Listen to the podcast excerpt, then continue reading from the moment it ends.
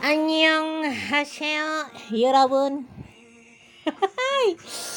Kangen loh aku ayang-ayang Didi pengen ngonten Rabu Hallyu ini aku di last minute ya karena aku tadi tuh rasanya capek banget ngantuk banget gitu tapi ada satu hasrat yang menggodaku untuk bisa ngonten ya dan memang tema kali ini tentang budaya kecantikan di Korea Selatan.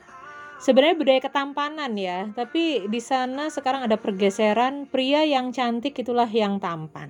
Nah kenapa kok muncul tema ini? Sebenarnya ini lebih kepada ketidaknyamananku saat apa ya membahas tentang pria-pria Korea Selatan yang bagi mereka non K-popers atau non drakorers itu bilang apa landangan Korea Selatan niku ayu-ayu karena sing ganteng macak kabeh nganggo eyeliner alisan bengesan.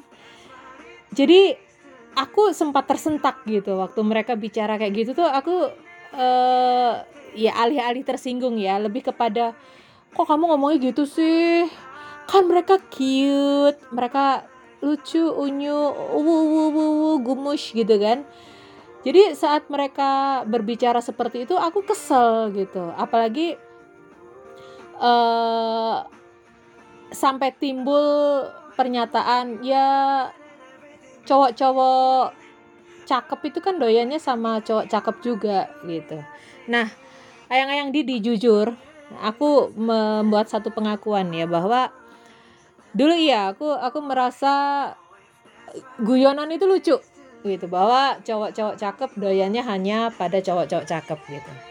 Tapi belakangan setelah aku kembali menekuni uh, Korean Wave atau Hallyu aku melihat bahwa ada yang berbeda dengan pria-pria Korea ini. Jadi bukan semata-mata karena aku nggak terima mereka dikatain cantik bukan tapi sebenarnya ini ada satu standar yang berbeda dan kita tidak bisa memaksakan standar yang berbeda itu untuk ngeklik.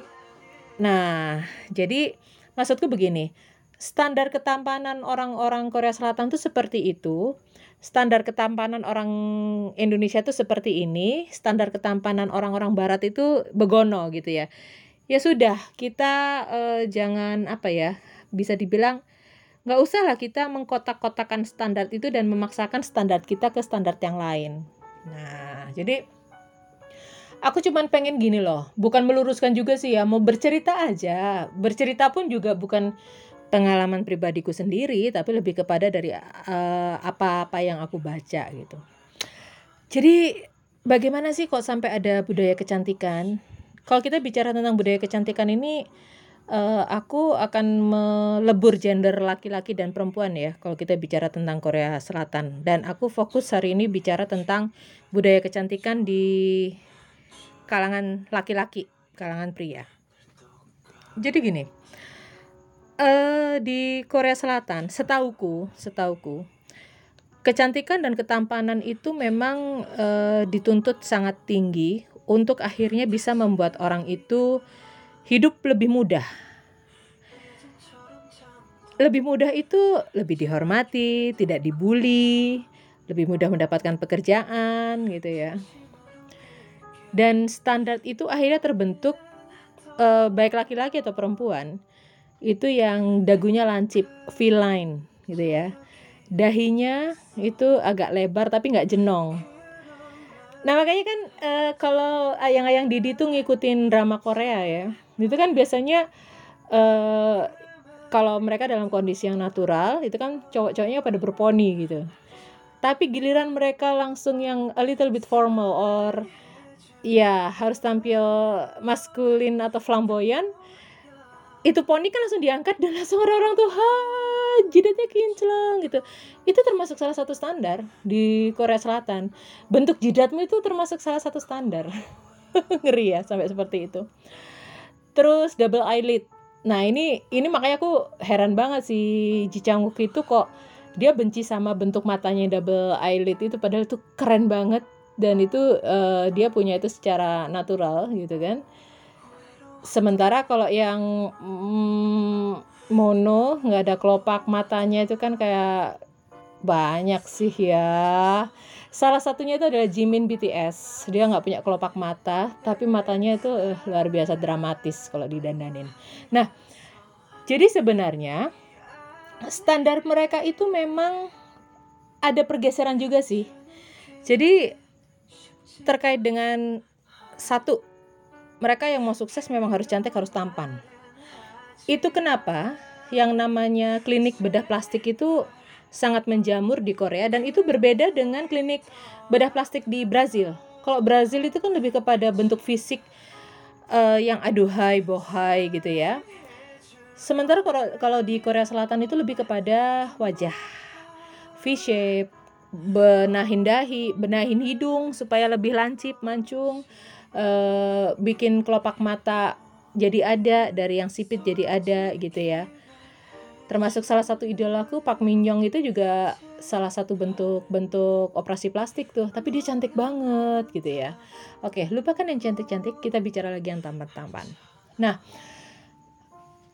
eh, pergeseran ini terjadi saat akhirnya para idol itu muncul dengan ketampanan mereka yang tipikal.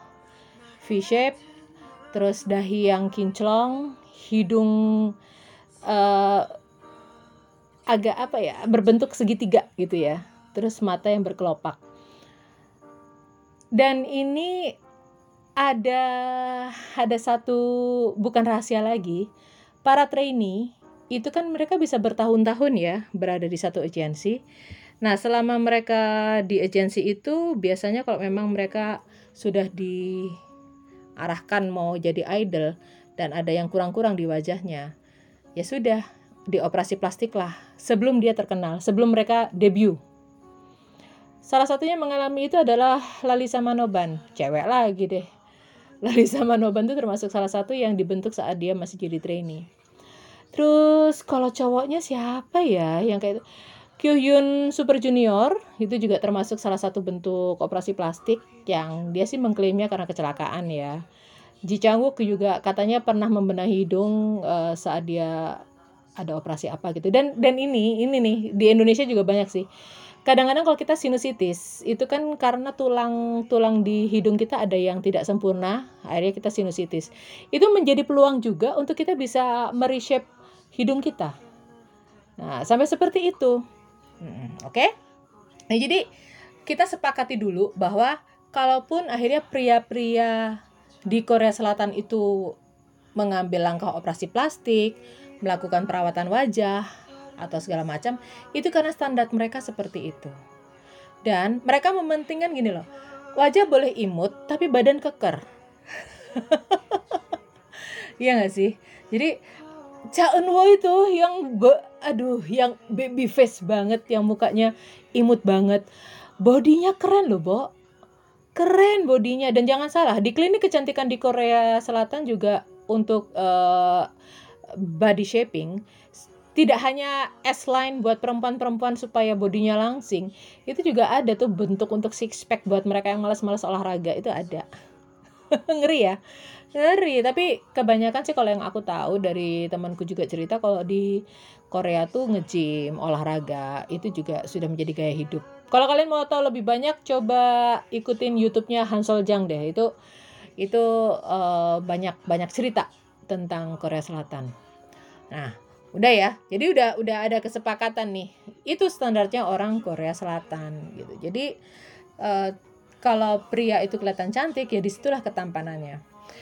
Nah, yang bikin aku kesal adalah saat kita memasukkan standar kita itu ke standar mereka. Uh, sorry to say, kita masih sering terjebak dengan toxic, toxic masculinity bahwa laki-laki itu harus sangar. Laki-laki itu harus six packs. Laki-laki itu harus kumuh. Laki-laki itu harus bau kecut. ada loh yang kayak gitu. Jadi aku tuh kesel kalau misalnya ada kan kapan hari aku pernah posting ya. Laki-laki ayo dong grooming gitu. Maksudku tuh begini. kamu grooming, kamu rapi, kamu tampan, kamu wangi, itu bentuk penghargaan terhadap dirimu sendiri. Sementara toxic masculinity mengatakan bahwa laki-laki yang klimis, laki-laki yang wangi, laki-laki yang ramping, laki-laki yang ngebentuk badannya itu adalah ya kamu di luar standar maskulin.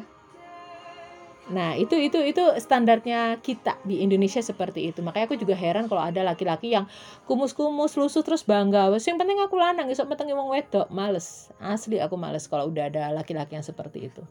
Nah, itu juga yang membuat kita di Indonesia dengan standar seperti itu mencela uh, laki-laki Korea yang Korea Selatan yang memuja ketampanan. Aku melihat bagaimana mereka berdandan, bagaimana mereka uh, grooming itu sebenarnya untuk kepentingan estetika menurutku. Karena selain aku sering melihat konser-konser para idol, uh, itu aku juga melihat bagaimana sih kehidupan mereka sehari-hari. Sehari-hari ya mereka nggak dandan, asli mereka nggak dandan sehari-hari mereka ya ayo kita ke Galaxy Mall yuk di Surabaya atau ke Pasar Atom itu koko-koko sinyo-sinyo itu sama kok sama opa-opa ajusi Korea Selatan sama bedanya adalah untuk kepentingan estetik eh, laki-laki uh, di Korea Selatan itu memang ya pakai alis, eyeliner, tapi itu ya kapasitas mereka sebagai idol. Sementara kemarin aku ngelihat di televisi ya konser salah satu penyanyi Indonesia kakak kelasku sendiri yang ya Allah Wongki kok kumus-kumus banget sih nggak ada pucet gitu loh. Di panggung tuh pucet. Jadi bukan karena dia nggak tampan enggak tapi dia tidak mempertegas garis ketampanannya dengan make up. You get the point ya? Jadi begini kalau memang itu untuk kepentingan estetik, kepentingan panggung, kepentingan fotografi, kepentingan videografi, dan dan di sini bukan berarti namanya juga make up, make up, make something up gitu ya, menonjolkan apa yang memang bisa kamu keluarkan kekuatan dari wajahmu. Jimin itu dia nggak ada kelopak matanya. Dan menurut standar dia sipit tapi dengan sentuhan makeup artis yang luar biasa. Gila loh Jimin itu. Dia bisa keren banget. Dan saat makeup itu dihapus ya sudah dia udah kayak sinyo-sinyo pasar atom gitu gitu loh. Dan aku juga pernah lihat setiap mereka habis konser gitu ya mereka bersihin muka. Nah bedanya lagi kalau di Indonesia yang namanya maskeran itu kan cuma perempuan. Oke, laki-laki juga sekarang udah mulai maskeran dan maskeran itu kan yang masker langsung ditempel gitu ya. Dan itu bisa seminggu sekali. Mereka di sana tuh setiap mau tidur maskeran karena itu masker itu fungsinya untuk menutrisi kulit. Jadi jangan ojo dipaido nek. Kulit mereka tuh mulus-mulus, kenyal-kenyal, tak berpori gitu loh. Nah, ya, oke, baik. Jadi sudah bisa terima belum bahwa memang itu standar mereka untuk estetika mereka. Keseharian mereka mereka grooming sih tampan sih cuman nggak nggak selebay itu. Dan sekali lagi nggak apa-apa kok kalau mereka tampil cantik untuk kepentingan estetika. Beda dengan kita. Ini agak berat ya aku ngomongnya ya. Aku tidak apa ya tidak uh, pokoknya aku tidak berkonotasi negatif lah untuk perbincangan ini. Cuman memang kalau di Korea Selatan mereka tampil cantik dan itu standar ketampanan mereka, ya mereka tetap laki. Orientasinya tetap doyan perempuan. Dan jangan salah, Korea Selatan itu patriarkinya kuat banget. Jadi walaupun maskulin kayak gitu, kalau dia sama perempuan tuh ya yang dia posesif lah, yang ya patriarki yang toksik lah ya. Ada yang seperti itu. Jadi kayak gini, Oke, kita merayakan 100 hari bersama. Ayo kita merayakan peringatan setahun kita, mau pakai baju couple segala macam. But you are mine, girl. Kamu milikku gitu. Nah, ini nggak tahu nih si perempuan-perempuan kita masih mengidolakan their Hallyu Star and Idols nggak nih kalau udah tahu faktanya kayak gini gitu. sementara kalau di Indonesia lu pakai lu nggak ada alasan tiba-tiba lu gambar alis aja tiba-tiba lu pakai eyeliner aja. Pakai lip balm berwarna aja. Sorry tuh sih masalahnya di Indonesia kalau seperti itu ya doyannya cowok. Sayang banget. Itu tuh nah karena mindset kita di Indonesia seperti itu, itu kita pakai untuk menyerang bagaimana cowok-cowok Korea Selatan itu tampil cantik. Nah, ya apa? Yang yang Didi paham nggak maksudku? Jadi eh, bagi non pendengar K-pop, non penonton drakor, mereka akan mengatakan laki-laki Korea itu cantik, laki-laki Korea itu banci, laki-laki Korea itu lembek karena mereka me, karena kita di Indonesia ini menyamakan dengan kondisi di sini. Laki-laki yang seperti sana di sini memang lembeng. Ya akhirnya ya you know, mereka akan berpandangan negatif tentang laki-laki cantik di Korea Selatan. Nah, kalau aku, aku tuh begini. Jadi eh bisa nggak sih kita itu tidak mencampur adukan standar kita dengan standar yang lain apa pun itu jadi kalau memang standarnya Korea Selatan laki-lakinya cantik itu adalah tampan kita cari dulu kenapa sih kok bisa-bisanya mereka jadi jadi secantik itu. Latar belakangnya apa? Cari dulu. Jangan serta merta opo lanangan banci? Uh, opo lan, lanang lanang ganteng itu ya doyannya lanang ganteng. Iya itu di Indonesia tidak di Korea Selatan. Gitu loh ya. Ya masalah akhirnya ternyata mereka di sana ya doyan lanang itu bukan urusan kita juga gitu. Dan aku sudah beberapa lama ini berusaha untuk menghentikan jokes-jokes berbasis gender jokes-jokes yang seperti itu. Karena menurutku dulu lucu asli dulu tuh lucu kalau kita bercanda iyalah gitu.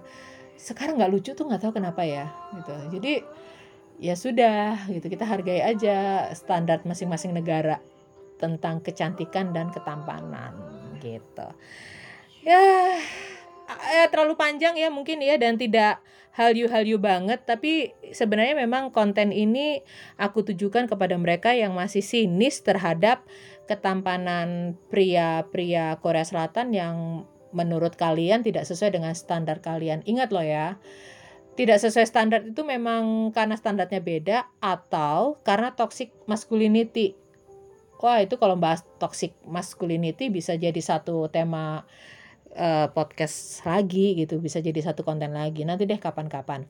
Yang jelas, yuk mulai sekarang kita coba untuk bisa memandang satu hal itu dari banyak perspektif, dari banyak sudut, sehingga kita tidak menjadi hakim untuk sesuatu yang tidak kita ketahui.